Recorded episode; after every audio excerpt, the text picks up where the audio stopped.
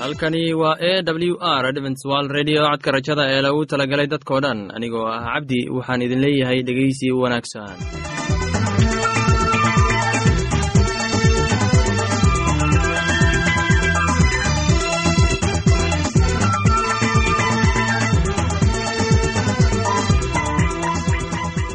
barnaamijyadeena maanta waa laba qaybood. Qaybta koowaad waxaad ku maqli doontaan barnaamijka caafimaadka kadib waxaa inoo raaci doonaa cashar inaga imid bugga nolosha.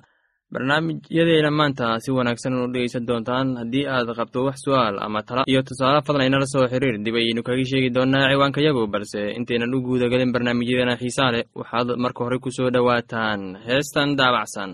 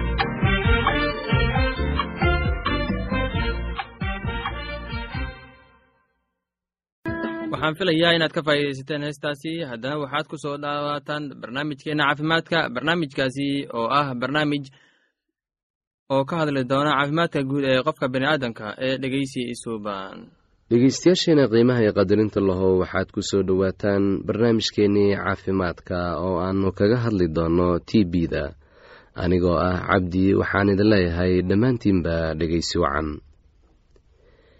t b da waa infekshinada ugu fursadda badan ee la xiriira aidiska ugu dhowaan kalabar dadka aidiska qaba ee ku nool dalka kenya waxaa ku dhaca t b da laakiin haddii si wanaagsan loo daaweeyo t b da waa la dabargoyn karaa xitaa dadka aidiska qaba waa laga daweyn karaa cudurka t b da waxaa laga qaadaa marka uu qofka qabaa uu ku qufacayo ama uu ku neefsanayo. Wuxuuna ka dhashaa bakteriyada la yidhaahdo mycobacterium tuberculosis. Inkastoo ay jirto bakteriya kale oo la yidhaahdo basili oo iyana dhalisa t b da t b da waxay qofka caafimaadka qabaa u soo gudubtaa marka qofka buka uu ku neebsado ama uu ku ag qufacayo. Haddaba waxaa loo baahan yahay in lagu dhiirigeliyo qofka buka in uusan ku ag quficin ama uusan xaaqo ku tufin dhulka. Waa in mar walba uu isticmaalaa masar ama safaleti marka uu qufacayo candhuuftana uu ku rido dhalo ama weel dabool leh kadibna la gubo oo god lagu shubo. Isla markaana waa in la aasaa. Infekshanka wuxuu qofka ku dhacaa marka uu qaato hawo la socoto bakteriyada basiliska la yidhaahdo oo tagta sambabada dadka oo dhanna kuma wada dhacdo ee way ku kala duwan yihiin. Boqolkiiba toban dadka qaba dadka qaata hawada ay bakteriyada la socoto ayaa ay ku noqotaa t b laakiin baryahan dambe ee uu aidisku soo batay tirada intaa way iska beddeshay. Waxaa suuroodaa in bakteriyadaasi aysan wax dhib ah ku keenin qofka inta noloshiisa ka harsan oo dhan. Haddiise uu qofku hayo cudurro kale sida kansarka wadna xanuun ama nafaqa daro ama uu leeyahay fayraska h i v-ga oo difaaca jirkiisana uu yaryahay marka waxaa suurtooda in fayraska basiliska la yidhaahdo uu sanbabada ka galo in uu ku noqdo t b haddaba calaamadaha lagu garto qofka t b-da qaba waxaa ka mid ah qufac socda muddo dhan saddex usbuuc dhiig soo raaca xaaqada iyo feera xanuunba. Calaamadaha kale ee lagu gartaa waxaa ka mid ah neebsashada oo ku yaraata miisaanka oo isdhima qandho iyo dhidid ka yimaada qofka habeenkii. Bal haddaba dhegaystayaal aynu isweydiine sidee baa lagu ogaan karaa calaamadaha t b-da. Run ahaantii waxaa la ogaan karaa calaamadaha aynu soo sheegnay mana habboona in lagu ekaado kiliinig la tago oo keliya balse waxaa loo baahan yahay in qofka buka shaybaarada ku shaqada leh baaritaanada t b-da la geeyo. Baaritaanka xaaqada waa mid waa midda ugu wanaagsan ee lagu ogaan karo t b-da. Sidoo kale x-rayga iyo maqaarka oo laga baaro ayaa iyana laga ogaan karaa t b-da. Haddaba haddii aynu ka faalloonno daaweynta t b-da sidaan ognahay soomaalidu badanaa marka qofku ku dhaco t b waxaa inta badan suurowda in dad badani ay qarsadaan cudurka ilaa uu ku noqdo mid aan waxba laga qaban karin oo karonig ah ama uu qofku u dhinto. Midda ugu muhiimsan waa in qofka shaybaar si wanaagsan loogu baaro kadibna marka qofka bukaa uu qaadanayo dawo lala ogaadaa inta uu qaadanayo iyo xilliyada uu kala qaadanayo. Hawsha waxaa badanaa qabta kalkaaliyaasha caafimaadka ama qof ehel u ah kan jiran islamarkaana waa in si taxadir leh loo hubiyaa sida loo kala qaadanayo dawada iyo xilliyada la qaadanayo. Daweynta t b-da waxay qaadan kartaa muddo dhan siddeed bilood waxayna kala yihiin laba bilood oo ah wejiga hore sbatem smir bostif balmoneri oo midda daran ah oo ah nooca ka mid ah t b-da. Waxaa loo baahan yahay in la siiyo qofka bukaa kiniiniyaasha kala ah sbatum iyo refater hal mar maalintii. T b-da aan sii weyneyn ee la yidhaahdo sbatum smir negative. An extra balmoneri tuberculosis. Waxaa dadka waxaa dadka waaweyn la siin karaa kaniinka refeterka ah hal mar maalintii. Caruurtana waxaa la siin karaa kaniinka refeterka hal mar maalintii. Wejiga labaad ee dawada laba bilood kadib dadka waaweyn waxay u baahan yihiin in la siiyo kaniin la yidhaahdo itiside hal mar maalintii maalin kasta muddo dhan lix bilood. Caruurtana waxaa la siin karaa kaniin la yidhaahdo rifina. Hal mar maalin kasta muddo dhan afar bilood. Waxaan filayaa inaad ka faa'iidaysateen barnaamijkaasi. Haddaba haddii aad qabto wax su'aal ama talo iyo tusaale fadlan inala soo xiriir. Ciwaanka yagu waa codka rajada sanduuqa boostada afar laba laba todoba lix nairobi kenya. Mar labaad ciwaanka yagu waa codka rajada sanduuqa boostada afar laba laba todoba lix nairobi kenya. Imeilka yagu waa somali at a w r o r g mar labaad imeilka yagu waa somali at a w r o r g ama haddii aad inala soo xiriiri rabtaan barta emesonka ciwaanka yagu oo ah codka rajada at hotmail com. Mar labaad codka rajada at hotmail dot com ama barta internetka hoyga oo ah w w w dot codka rajada dot o r g waxaad ka akhrisan kartaan falasha meesha ku jiraan iyo wixii kaloo barnaamij oo aad u moodid in ay ku anfici karaan. Haddana waxaad ku soo dhowaataan heestan daabacsan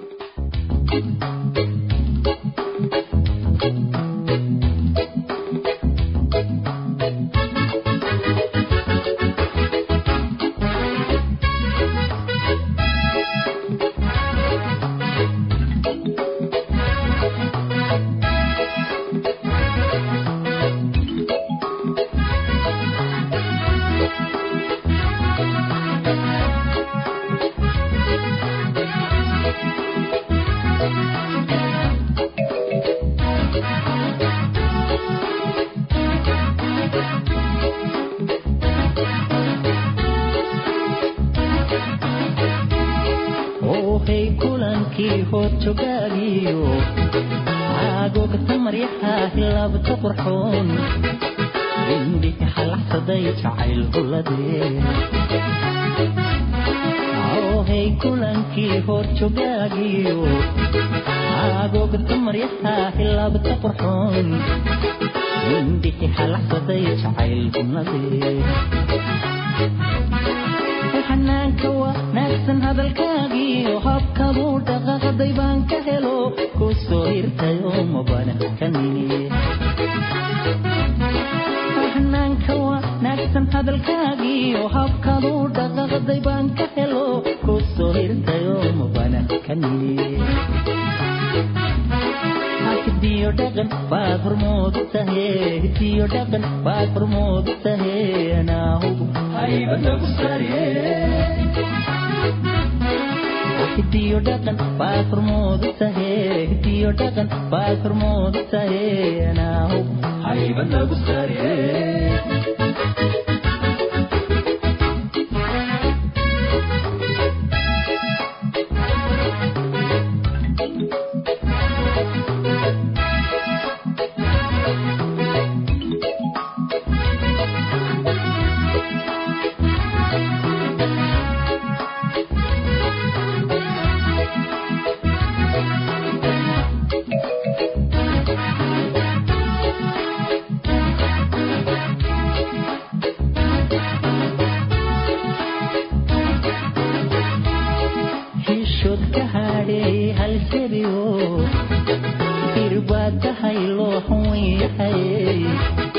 hablaadu hormooday hogashadaye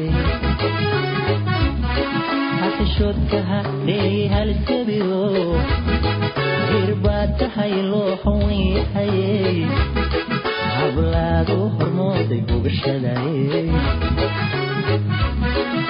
sidii hogol hoortay kuugu jirto hilacawaca nay nafta hugunto intayantataymubay hakanine. Sidii hogol hoortay kuugu jirto hilacawaca nay nafta hugunto markayan qabtay mubay hakanine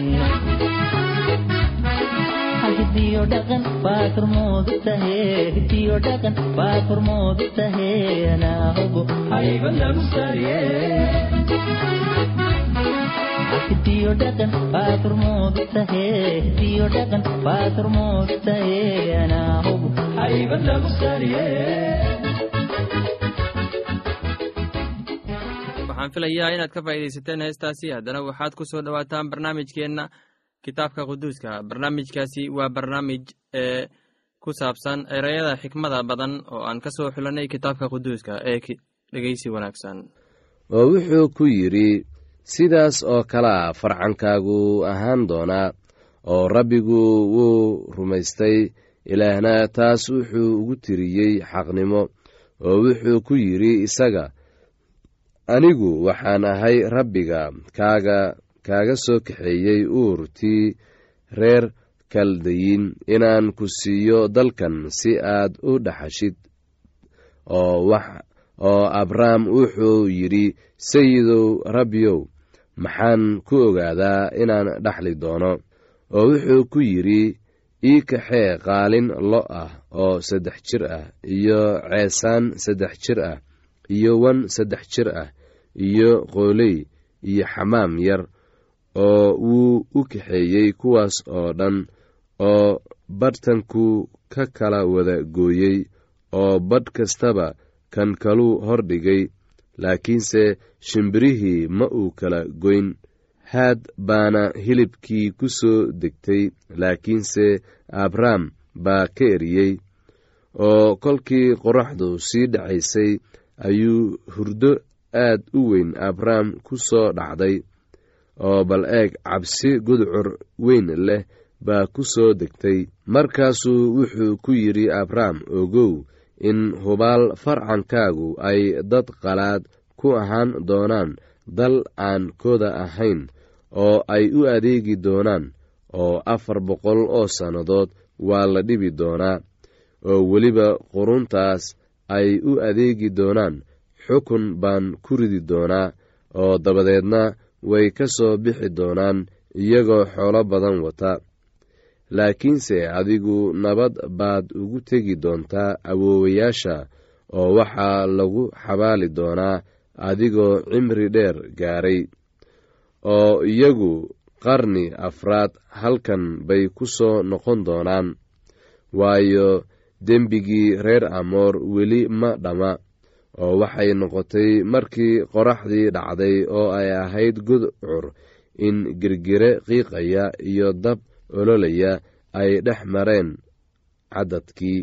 Maalintaas rabbigu abrahm buu axdii la dhigtay isagoo leh farcankaagan siin dhulkan oo laga bilaabo webi masar ilaa webi weyn oo ah webi yufraad reer qayn iyo reer kenas iyo reer kadmon iyo reer xeed iyo reer feris iyo reer refaim iyo reer amoor iyo reer kancaan iyo reer girgaash iyo reer yebuus saaray oo ahayd abrahm naagtiisii carruur uma ay dhalin isagii waxayna lahayd gabadh midiidin ah oo misriyad ah magaceedana waxaa la odhan jiray xagaar saaray waxay abrahm ku tidhi bal eeg iminka rabbigu waa ii diiday inaan dhalo.